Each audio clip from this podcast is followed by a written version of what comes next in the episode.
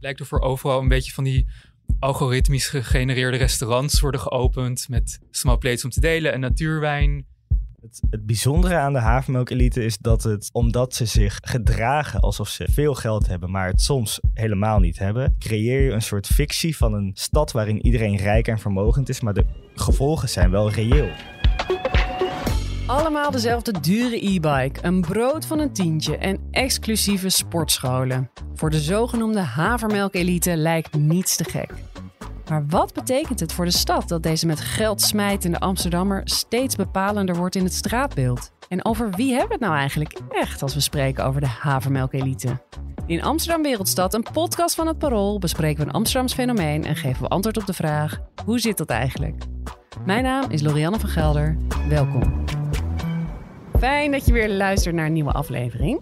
En bij ons aangeschoven is Jonas Kooijman. Welkom Jonas. Dankjewel. Jij bent journalist en inmiddels ook fulltime duider van een groep die jij ooit de havermelk-elite hebt gekroond. En daar willen wij alles over weten. Heel fijn dat je er bent. Staat het eigenlijk al in de dikke vandalen?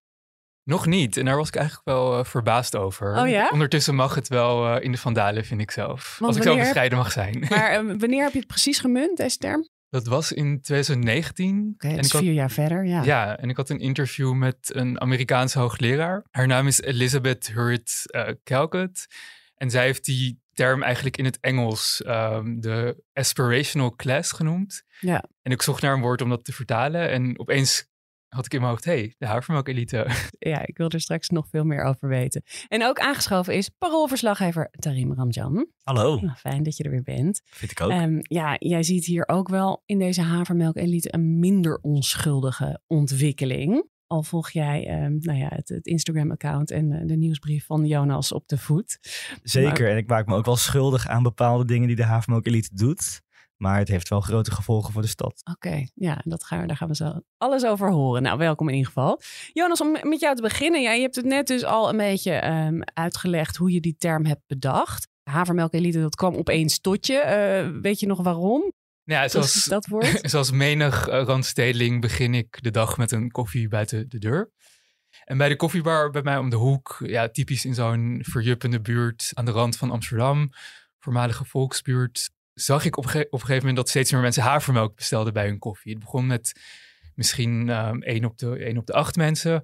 Maar langzaam nam, nam dat aantal steeds meer toe. Tot op een gegeven moment iets van 80% van de rij voor mij koffie met havermelk bestelde. Dus dit was gewoon even jouw kleine onderzoek dat je voor je zag ontstaan. Precies, en dat, dat, ja. dat zei iets over de veranderende stad. Ja, ja en, en je zag dat bijvoorbeeld niet in de, in de regio. Dus dit, dit was echt een typisch stedelijk fenomeen. En ik, ja, ik vond het heel symbolisch voor wat deze klasse kenmerkt. Dus naar zo'n koffiebar in een verhuppende buurt, vier of vijf euro neertellen voor een cappuccino of latte. En dan met plantaardige melk. Ja, en je, je sprak dus die, die uh, sociaal onderzoeker Elizabeth Currid Halkett. Uh, zij schreef The Sum of Small Things, A Theory of the Aspirational Class. Um, ja, vertel er nog wat meer over. Wat is die streefklasse of, of wat jij dus een havermelk-elite hebt genoemd? Ja, deze hoogleraar zag eigenlijk de opkomst van een nieuwe klasse in de, in de stad. Een nieuwe groep stedelingen die um, misschien niet zozeer super rijk is. Dus het zijn niet de, de miljonairs die in de, in de stad wonen. Maar die wel aardig verdienen. En die heel erg bezig zijn met uh, statussymbolen. Soms bewust, soms onbewust. En dan kun je denken als uh, biologisch eten, uh, natuurwijn drinken, zuurdesembrood kopen, uh, naar bepaalde yoga-studio's gaan. En dit is een klasse die heel erg in hun consumptiepatroon laat zien van in wat ik eet, drink, koop. zit ook een soort moreel oordeel. Dus ik drink natuurwijn, want dat is kleinschaliger, authentieker, beter voor het klimaat. Ik doe yoga, dus ik, ik, uh, ik heb tijd voor mezelf en ik doe aan mindfulness. Dus anders dan bijvoorbeeld in de jaren 80 en 90, toen je ook juppen had en je heel erg met horloges of maatpakken liet zien van ik, uh, ik verdien best wel goed. Alleen het materiële. Alleen ja. het materiële is het nu ook een soort van hele levensstijl, waarmee je eigenlijk laat zien van dit zijn mijn statussymbolen. Ja, ja, precies. En Tarim, we hebben het net al eventjes benoemd, die, die jup. Ik bedoel, het, het, woord valt nog steeds heel, heel vaak. 20, 30 jaar geleden hadden we het ook vaak over de jup, uh, Young Urban Professional. Ehm, ja, als jij het zo beziet, wat is het verschil tussen die, die jup en, en de havermelk-elite? Nou, ik zou zeggen dat de havermelk-elite meer een soort van neo-jup is. Wat, wat Jonas al zegt, uh, het is heel erg gericht op consumptie. En uitstralen dat je naar bepaalde lesjes gaat, sportlesjes, bepaalde restaurantjes. Uh, dus heel erg laten zien dat je ergens bij hoort door ergens naartoe te gaan. Maar het interessante aan de havermelk-elite is dat doorgaans ook mensen zijn die zijn bijvoorbeeld freelancer, bijvoorbeeld in onze sector, in de media uh, of in de andere creatieve sectoren. Uh, denk aan de marketing of de communicatie. Uh, die hebben misschien niet eens zoveel stabiliteit als een bepaald vermogen op de bank um, of, of überhaupt een contract, maar die leven bijna wel alsof ze dat hebben die vinden het niet erg om veel geld uit te geven aan dus dingen die je doorgaans als luxe zou zien. Zoals een koffie buiten de deur. Ja, het is niet per se nodig natuurlijk. Nee, nee. Je kan prima een koffiezetapparaat, desnoods een Senseo, om maar even zo te zeggen, thuis hebben en het uh, wat dat betreft goedkoop doen. Uh, maar nee, je gaat inderdaad elke ochtend een haverkapoe halen, a 5 euro. En je gaat naar, uh, naar spinninglesjes. en dat, dat, dat is allemaal wat duurder dan nodig. En, en het, het bijzondere aan de havermelk-elite is dat het, en dat is het verschil weer met de Jup van 20 jaar geleden, omdat ze zich gedragen alsof ze veel geld hebben, maar het soms helemaal niet hebben, creëer je een soort fictie van een stad waarin iedereen rijk en vermogend is, maar de gevolgen zijn wel reëel, want de prijzen die worden alleen maar hoger. Ja. Maar nog even, jij bent zelf 24, eh, je bent in Amsterdam geboren. Um, gaat dit echt over ja, Amsterdammers, jonge Amsterdammers? Of, of, of zie jij ook een andere groep juist? Um, nou, vooropgesteld, dit zie je niet in elk deel van Amsterdam. Ik kom zelf uit Zuidoost, uit de Belmer. Um, daar zie ik veel minder e-bikes rondrijden. En ik heb daar nog geen uh, super hippe spinning uh, sportscholen gezien. Uh, dus het gaat denk ik wel om een fenomeen wat je vooral binnen de ring ziet. Ik denk dat de pijp een beetje het epicentrum is van de havermelk-elite. ik hoor ook best wel vaak van mensen nou, ik mijt de pijp nu, omdat het een beetje too much is, een beetje monocultuur wordt. Uh, het gaat vaak ook om mensen die niet in Amsterdam geboren zijn. Um, die, die komen van buiten de stad, die zijn daar opgegroeid, uh, gaan hier misschien studeren of op een gegeven moment werken na een studie. En die, nou, die willen zich dan ook ergens mee identificeren, ergens uh, bij horen. en, en ja, met de consumptie die de havermelk-elite zo tekent, kun je natuurlijk soort van bij die groep voegen en identificeren. Alleen ook dat imago moet je dan hoog houden. En zo wordt de havermelk-elite vanzelf je identiteit. Ja, en Jonas, jij, jij, jij, zag inderdaad dus steeds meer mensen die havermelk bestellen. Zag jij ook meteen die beweging van, eh, dit, dit is echt een nieuwe groep? We hebben het over een andere, ja, een ander soort Amsterdammer. Ja, precies. Dus, dus je, je, je, ziet eigenlijk de opkomst van een soort nieuwe stedelijke middenklasse. En dat vind ik ook zo interessant, want als je um, arm bent geboren, is de kans heel groot dat je later arm blijft. En als je rijk bent geboren, is de kans ook heel groot dat je rijk blijft in je leven. Ja. Maar als je geboren wordt in de middenklasse, dan moet je zelf die positie herproduceren in de rest van je leven. En juist uh, in een tijd dat het leven in de stad steeds duurder wordt, uh, onbetaalbaar bijna voor sommigen om te wonen, groeit die kloof. Dus mensen willen zich heel graag vastklampen aan die levensstijl van de middenklasse. Dus dat doen ze door constant ja, te consumeren aan de hand van bepaalde statussymbolen. Om je maar te onderscheiden van, van een groep waar je dan niks meer mee te maken wil hebben? Ja, vooral om te laten zien van ik, ik doe nog mee. De, de economie is steeds grilliger en, en, en de kans op daling is vrij groot. Uh, maar ik hoor er nog steeds bij. Dus, dus ik denk dat binnen de havermelk elite heb je ook een vrij kwetsbare groep. Ook wat jij net zei, Tarim, die er heel graag nog bij wil uh, horen. Jij schreef ook over juist weer burn-out van het hele tijd erbij willen horen. Ja, precies. Ik heb geschreven over burn-out aankopen. Dus mensen die uh, keihard werken en om dat keihard werken vol te houden, maaltijden laten bezorgen, een, een duur sportklasjesabonnement nemen om fysiek fit te blijven. En uiteindelijk in een soort spiraal terechtkomen van steeds meer consumeren om het jezelf comfortabeler te maken. Uh, maar daardoor ook veel te veel geld uitgeven en tegelijkertijd opgebrand raken. Ja, ja, ja. En zie je dit ook in het buitenland gebeuren? Ja, het is wel echt een, een groep die eigenlijk over de grenzen heen gaat. Dus je kunt ja, eigenlijk eh, de hele wereld overvliegen zonder echt het territorium van de havermelk-elite te verlaten. Dus je, je kunt naar Neukölln in Berlijn gaan voor een weekend. En ja, dan heb je gewoon precies dezelfde demografische groep die, die zich daar, uh, die daar woont. Of, of naar Brooklyn in New York. Ehm, of naar, ja, ook in Parijs, noem maar op. overal heb je deze... Ze zijn overal. ze zijn overal. Je hopt gewoon van bubbel naar bubbel eigenlijk. Precies, ja. ja en uh, ik heb ook het idee dat zeker in Amsterdam mensen die zich in de havermelk-elite begeven... ook meer weten van die buurt, de havermelk-elite buurten in andere steden dan de regio in Nederland. Dus ja, het is een vrij ehm, internationale groep, maar tegelijkertijd naar binnen gekeerd. Ja, ja, maar ik denk dat we ze vroeger misschien cosmopolitische um, ja, mens noemden of zo. Precies. Het, is, het is ook wel weer iets wat ik herken van pak een beetje twintig jaar geleden, maar het is wel extremer geworden. Ja, en het is veel makkelijker geworden om gewoon naar Londen te gaan en naar Clapton, dat ze daar de havermelk elite wijk en daar dan gewoon jouw havermelkelite lifestyle voor te zetten. Dat, ja, uh, je herkent de mores, je weet hoe je je daar moet gedragen. Ja, ja. En maar is iedere persoon die havermelk drinkt of op een Van Moof rijdt, ja, ik weet niet of Van Moof er nog bij hoort, maar um, ook meteen havermelk-elite? Ik zou niet per se iedereen. Uh, het, het, is ondertussen ook een beetje een, een paraplu-term geworden. Dus ik, aan de ene kant heb je de, denk ik de wat kwetsbaardere groep, die dus heel erg graag erbij wil horen. Bang is misschien om uit de middenklasse te vallen.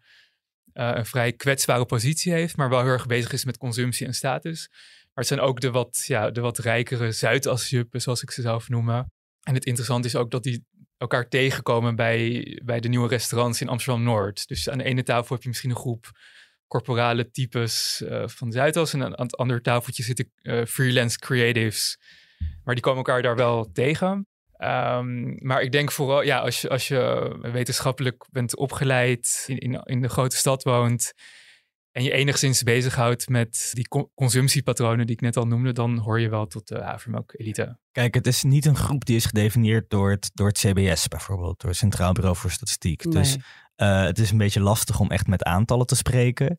Uh, maar het gaat er vooral om dat een bepaald cultureel kapitaal heel erg wordt gedeeld. Dus inderdaad van Waar consumeer je cultuur? Waar ga je heen uh, voor uit eten en, en voor, voor vermaak, voor het nachtleven? en daar is dan inderdaad een groep die ook echt veel ja, economisch kapitaal heeft. Dus, ja, de Zuidas-types, um, bankiers en weet ik veel wat. En een groep met heel laag economisch kapitaal. Juist dus die freelancers, die creatievelingen, studenten misschien nog wel gewoon. Hè, die, die dit allemaal betalen van hun, nou ja, nu weer basisbeurs. dus, maar, maar dat, dat, ik zou zeggen, iedereen die best wel hoog in dat cultureel kapitaal zit, dat dat dan de havermelkelite is. Ja. Of jij dat dan ook En die dus snapt wat, wat ja, daarbij hoort of niet. Want dat zijn best ongeschreven regels eigenlijk. Ja, ja. Ik heb ook het idee dat elke keer als je in zo'n restaurant eet, elke keer dat je uh, op een bepaald terrasje zit en daar mensen tegenkomt, of dat uh, op je Instagram verhaal kunt plaatsen, dat ook voor een soort dopamine shot zorgt bij, bij de havermelk-elite. Van, oh ja, ik hoor er nog steeds bij. Of uh, wat fijn, ik kan dit delen en mensen zien dat ook. En, en ook weer een soort van gezien worden bijna. Een soort heel basaal psychologisch mechanisme. Ja, en ik, ik had hier ook een tijdje terug een boeiend gesprek over met Willem Boterman. Hij werkt bij de UvA en doet ook onderzoek naar, naar de stad. En hij zei ook van ja, we, we doen in Nederland of er geen klasse eh, bestaat, zoals in Engeland met lower class, middelklas en upper class. We doen of iedereen gelijk is, maar eigenlijk uh, ook nu, nu de ongelijkheid toeneemt in, in Nederland, zie je dat, dat klasse dus wel degelijk bestaat. En, en dat ook die manieren om te onderscheiden van waarom je bij de middenklasse in dit geval hoort, dat wordt steeds sterker. Dus uh, het is een groep die weet van oké, okay, um, je draagt nu eigenlijk geen skinny jeans meer, maar meer uh, baggy jeans. Je draagt geen... Uh, Felle kleuren, maar nu Ja, alleen maar beige. Ja, ja alleen maar beige. Ja. Denken. Ja. of, of, precies. Of, of, of, de, wandels, de wandelschoenen van Salomon, die nu... Uh, die eigenlijk bedoeld zijn voor wandeling in de bergen. Die worden nu gedragen door, door de havermelk-elite. En de grap is, we doen ook graag alsnog alsof er geen klasse bestaat. Want in de havermelkelite zie je ook veel quiet luxury. Um, dus dat, dat, Wat houdt, dat? dat houdt in dat je bijvoorbeeld een wit even shirt draagt, maar wel van 100 euro. Oh ja. Terwijl je dat natuurlijk ook gewoon bij de zeeman kunt kopen voor een tientje, of nog niet eens. Uh, en of je het verschil eraan afziet, dat, dat durf ik echt hard op af te vragen. En alleen wie het weet, herkent het. Ja. Wat je ziet is dat het aanbod in de stad wordt afgestemd op, op deze groep. Ja, want er is dus meer vraag naar, dus, dus, komt er meer aanbod. Precies, ja. Dus uh, het lijkt ervoor overal een beetje van die algoritmisch gegenereerde restaurants worden geopend met small plates om te delen en natuurwijn. En overal, ja, yoga-studio's. Het is ook monocultuur Eh, ja, eigenlijk. Iedereen wil zich onderscheiden, maar doet precies hetzelfde. Precies, en, en, en dat is ook wel echt nieuw, denk ik, voor het, voor het stadsleven. Dat je vroeger had je misschien een, een kleine avant-garde die, zeg maar wat, in Amsterdam uitging bij de Roxy. En hele creatieve eigen restaurants eh, eh, opende. Maar ehm, die groep, ja, die, die wordt steeds kleiner, want er moet geld verdiend worden om hier te blijven wonen. Dus ja, een, een, een middenklasse krijgt het voor, voor het zeggen, een hogere middenklasse. En het wordt allemaal wat ja, homogener, wat, wat, wat saaier. Ja. En dat is heel gek, want de, de oorzaak is eigenlijk hetzelfde als altijd. Want Amsterdam is altijd een stad geweest waar mensen kwamen en gingen. eh, en, en mensen ook naartoe gingen in de hoop een nou, beter leven te krijgen of iets op te bouwen. En dat geldt dan ook voor de havenmokkelieten. Het zijn dus doorgaans mensen die niet uit Amsterdam komen. En ja, vroeger had je dan juist inderdaad door al die mensen die komen en gaan... eh ja, bijzondere eetentjes en nieuwe cuisines en ehm, nieuwe gewoonten in de stad. Maar dit lijkt juist voor een soort monocultuur te zorgen. Ja, juist ook door die sociale media. Mm. En ik denk ook dat de trends in de havenmokelite, ja, wat ik net al zei, die, die zijn wat, wat vaster. Een voorbeeld is dat het ook wat dieper in je leven reikt. Je hebt ook een trend dat eh, je een bepaald soort zeep koopt. En, Welke zeep? ehm, Ja, dat is Aesop. Ja, zo'n 40 euro per flesje. Ja, toch? Ja, ja, En dat zit je dan in je wc. Ik heb gehoord van mensen die eh, dat flesje dan met water opnieuw vullen, maar wel het flesje nog in de wc hebben als statussymbool. En dat flesje ook weer weghalen als de familie uit, eh, nou ja, van buiten Amsterdam langskomt. Want die denken dan ook, wat is dit nou weer? Dus het gaat ook twee kanten op. Maar het gaat dan om zeep in je wc. Wauw, ja. ja. dat, is echt het meest privé wat ik kan bedenken. Ja, ja. En eh, Jonas, ja, ik bedoel, zo'n zo'n zeepvoorbeeld, kan ik me voorstellen, dat, dat, dat komt wel eens op jouw Instagram-account. Of je hebt ook een soort eh, inzending van wat was het meest havermelk-elite moment van het weekend. Ehm, veel mensen zullen jouw observaties ook wel beschouwen als grapjes, maar je bedoelt het niet alleen als grap, hè? Nee, het is niet alleen een grap. Ik denk ook als geboren en getogen Amsterdammer ehm, voelt het soms ook een klein beetje ehm, licht ja, dystopisch aan de, de kant op die Amsterdam heen gaat qua stadsleven. En vooral dat het, daarmee bedoel ik dat het vooral een soort speeltuin lijkt te worden voor hele rijke twintigers en dertigers. Ja, Die leven in een monocultuur. En dan denk ik van ja, wat, wat maakt juist het leven in de stad zo opwindend? En dat is dat er verschillende groepen wonen dat het onverwachte, dat mensen van buitenaf, wat Tarim net zei, die getalenteerd zijn en ambitie hebben, dat die het hier kunnen maken. Maar dat, dat lijkt te, te verdwijnen. Dus in, in mijn account en ook in mijn nieuwsbrief zit ook, probeer ik ook de, de duistere kant daarvan te laten zien. ja. Wat voor reacties krijg je eigenlijk? Neem aan, ja, er zijn veel fans, want je hebt Ja. heel veel volgers. Maar krijg je ook haatmail, zeg maar? Dat jij een soort representant bent van die havermelk-elite? Mm, nou, ik krijg inderdaad, ik krijg soms ook echt ehm, hele boze reacties. En niet zozeer naar mij toe, maar meer mensen die boos zijn op de levensstijl van mijn, eh, van mijn volgers. Dus ehm, inderdaad, in die weekendacties kunnen mensen anoniem insturen wat ze, wat ze dat weekend gedaan hebben qua meest havermelk elite moment. En die acties hebben soms ook iets licht nihilistisch. Je hebt toch die ene bekende Franse uitspraak van na mij de zondvloed. Ja, Dus het, het heeft een beetje die vibe van ik, ik heb een geweldig ik heb een geweldig hip leven en veel geld. Maar er zit ook iets in van egoïsme of wereldvreemdheid, eh, leven in een bubbel. ja, Dus ik, ik, ik probeer ook te prikkelen mensen om bijvoorbeeld boeken te lezen die, die juist de schaduwkant hiervan laten zien. Probeer mensen ook aan te, aan te moedigen om niet klakkeloos mee te gaan met die massa. En, en met kleine dingen als hoe je je kleedt of waar, waar je inkopen doet, probeer ik ook te stimuleren van eh, ga nou niet allemaal naar dezelfde dingen, maar probeer ook iets, iets nieuws. Ik probeer documentaires te tippen die ook misschien een anticapitalistische ondertoon hebben. ja. Dus je probeert wel die, die kritiek ook mee te nemen. Want dat, dat was ook een van die kritiekpunten van Elizabeth Currid Halkett, begreep ik. Dat, dat deze groep wel heel erg in zichzelf gekeerd is. ja En niet naar anderen omkijkt. precies. Ja, Het is heel erg het, het redden van de eigen positie, het Ja. behouden van de eigen Ja. positie, om maar niet eh, sociaal-economisch gezien te, te dalen. ja, Wat, waar ik ook aan moet denken is dat mensen in de havenmelkelite doorgaans die, die leiden een klein beetje aan het main character complex. Dat zeggen ze dan ook. En dat Wat is dat? betekent eigenlijk het, het, het- de letterlijke vertaling, het hoofdpersooncomplex. Je voelt je een soort hoofdpersonage in, in de stad. En je denkt dat de hele stad aan je voeten ligt. En op zich, hè, zelfvertrouwen is gezond.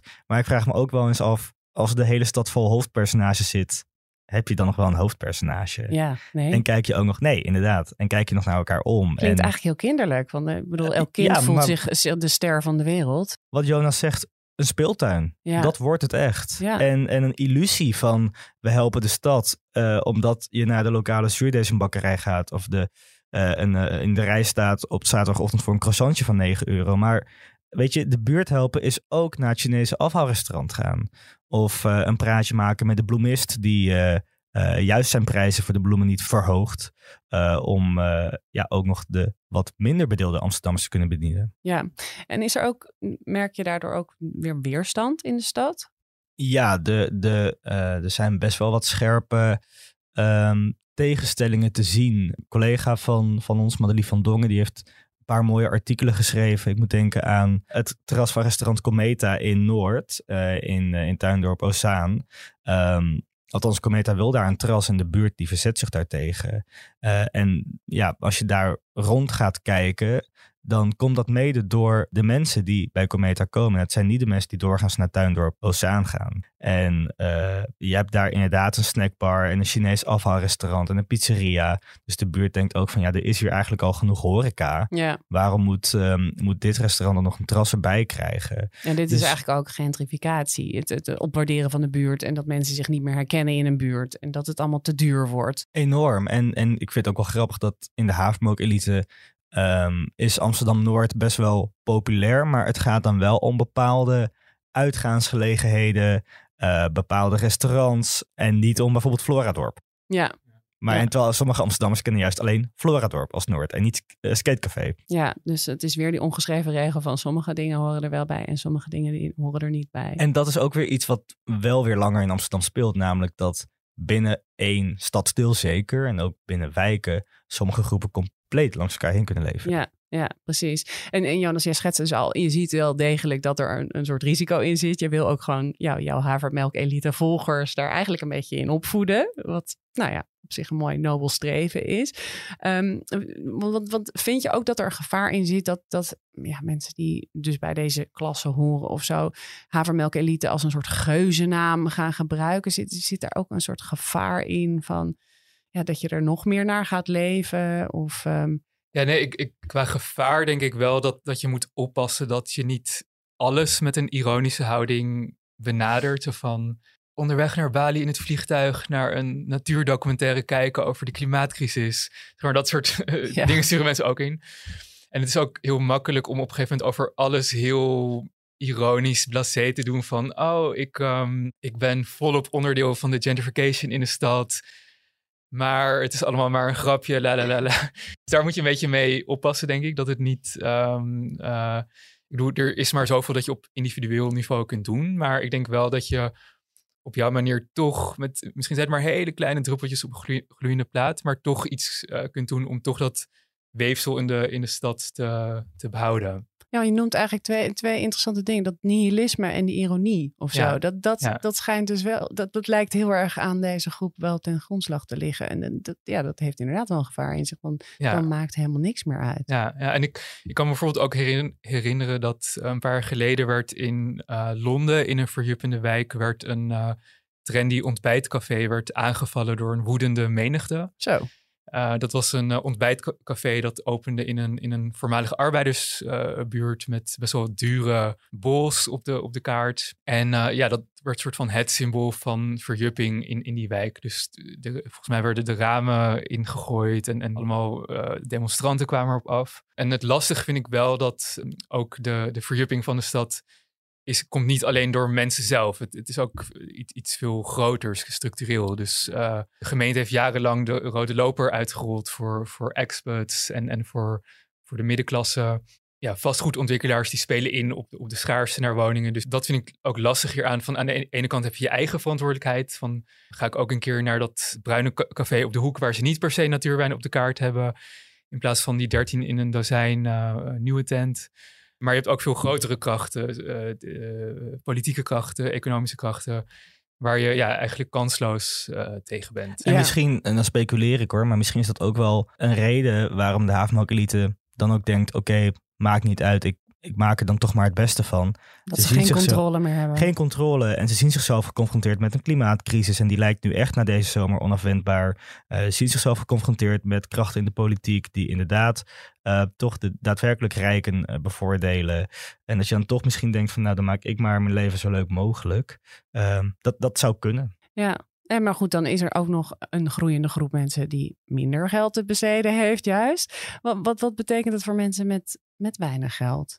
Nou, ik denk dat um, het voor mensen met, met weinig geld bijvoorbeeld kan zoiets als een koffiebar of, of een nieuw restaurant een, een hele grote onzichtbare drempel hebben om naar binnen te stappen. Als jij daar naar binnen stapt en, en jij hebt dus niet dat culturele kapitaal waar Tarim het over had, um, dan is dat best wel intimiderend. Ja, het culturele kapitaal niet, maar ook gewoon het keiharde geldkapitaal geld, niet. En ook het geld niet. Dus ja. er ontstaan zo allemaal onzichtbare barrières voor groepen met een lagere socio-economische positie in de stad. Ja. En dat is, dat is wel het risico daarvan. Ja, ja, precies. Dat is vooral heel ongemakkelijk als het in je eigen buurt gebeurt. Zoals dus in, in Tuindorp Ozaan. Als je het gevoel hebt van oké, maar ik woon hier al heel lang en opeens is er een restaurantje dat op zich van harte welkom is, maar ik snap niet wat hier gebeurt. En er komen mensen van buiten uh, het, uh, de buurt uh, die zich anders gedragen dan ik. Ja, dan, daar, daar, schiet je een beetje van in paniek. Ja, ja, precies. En dan voel je die ongelijkheid en voel je je buitengesloten. Ja, ja. ja. En, en, in Jonas, je, je geeft dus, dus nou ja, tips mee. Zou je ook iets ja, aan, aan de luisteraars van deze podcast willen meegeven? Kunnen, kunnen we iets ja, voor de mensen die zich herkennen in het geschetste beeld, kunnen we iets meegeven van hoe, hoe komen we naar een, weer naar een stad die nou ja, voor iedereen is? Of die niet uh, alleen maar uit bubbeltjes bestaat of uit monocultuur? Nou, ik denk dat dat een heel klein iets om mee te beginnen is om bijvoorbeeld in je eerstvolgende weekend eens iets te proberen wat je nooit eerder hebt gedaan. En dan bedoel ik niet um, naar weer een nieuwe koffiebar of weer een nieuwe yoga studio te gaan voor een bezoekje, maar ga eens naar een raar avondje in een filmhuis of Ga eens naar een wijk waar je eh, nooit bent geweest voor een, voor een fietstochtje. Ga, naar, ehm, ga naar een buurthuis in Zuidoost of Oost en ga daar vrijwilligerswerk doen. Ga voorlezen aan kinderen. Weet je wel, er is zoveel om te doen. Kom uit je bubbel. Kom uit je bubbel. Ja. Ja. nou ja, of misschien gaat deze hele havermelk elite aan zichzelf ten onder, omdat het allemaal monocultuur wordt eh, binnen de ring. Um, ja. ja, en we zitten natuurlijk ook in een economisch uh, tijdperk dat, dat alles voor de wind lijkt te gaan. Maar op een gegeven moment zal het ook weer instorten. En uh, misschien wordt het dan weer wel, zoals in de jaren tachtig, gewoon de, de krakers-vibe. ja, we, ga, we, gaan het zien. Nou, we hadden vorige week natuurlijk het nieuws dat um, als je nu een modaal inkomen hebt, dat is intussen 45.000 euro uh, overigens per jaar. Dan kun je een hypotheek krijgen van, ik geloof, 170.000 euro. Ja, daar kun je in Amsterdam 1% van de huizen mee kopen. Dus, uh, en op een gegeven moment zal de havenmelk elite in elk geval het deel dat niet altijd geld op de bank heeft, uh, toch ergens moeten wonen. En als er niks gebeurt, ja, dan, dan kun je niet meer in Amsterdam wonen. En dan ben ik wel benieuwd of we inderdaad die monocultuur weer zien afnemen. Dat zou heel goed kunnen. Ja, ja, precies. Nou ja, we shall see. Ik vond het in ieder geval uh, nou ja, weer een eye-opener om wat langer over de havermelk-elite te spreken. Ik weet nog steeds niet of ik er helemaal bij hoor. Ik denk wel een beetje. En, en jullie horen er wel bij, toch? Ik vrees van wel. Ja, ja ik heb geen e-bike. Ik heb nog nooit gespind. Ik drink mondjesmaat havermelk. Maar ik hou wel van lekker eten en borrelen. Ja, oké. Dank jullie wel, Jonas Kooijman en, en Ranjan. Uh, Jonas kan je dus volgen met de Havermelk Elite, zijn nieuwsbrief en op Instagram. Dit was in ieder geval Amsterdam Wereldstad, een podcast van Parool. En de productie en montage waren van Marijne Bijen. De eindredactie werd gedaan door Josien Wolthuizen. Rinky Bartels maakte de muziek en het artwork is van Sjoukje Bierma. Ben je nou benieuwd naar de stukken over de kloof en ongelijkheid in de stad? Ga naar parool.nl of download de Parool-app. En in de show notes staan ook linkjes naar de artikelen van Tarim en naar Jonas. Reageren of vragen stellen kan via podcast.parool.nl. Hartelijk dank voor het luisteren en tot volgende week.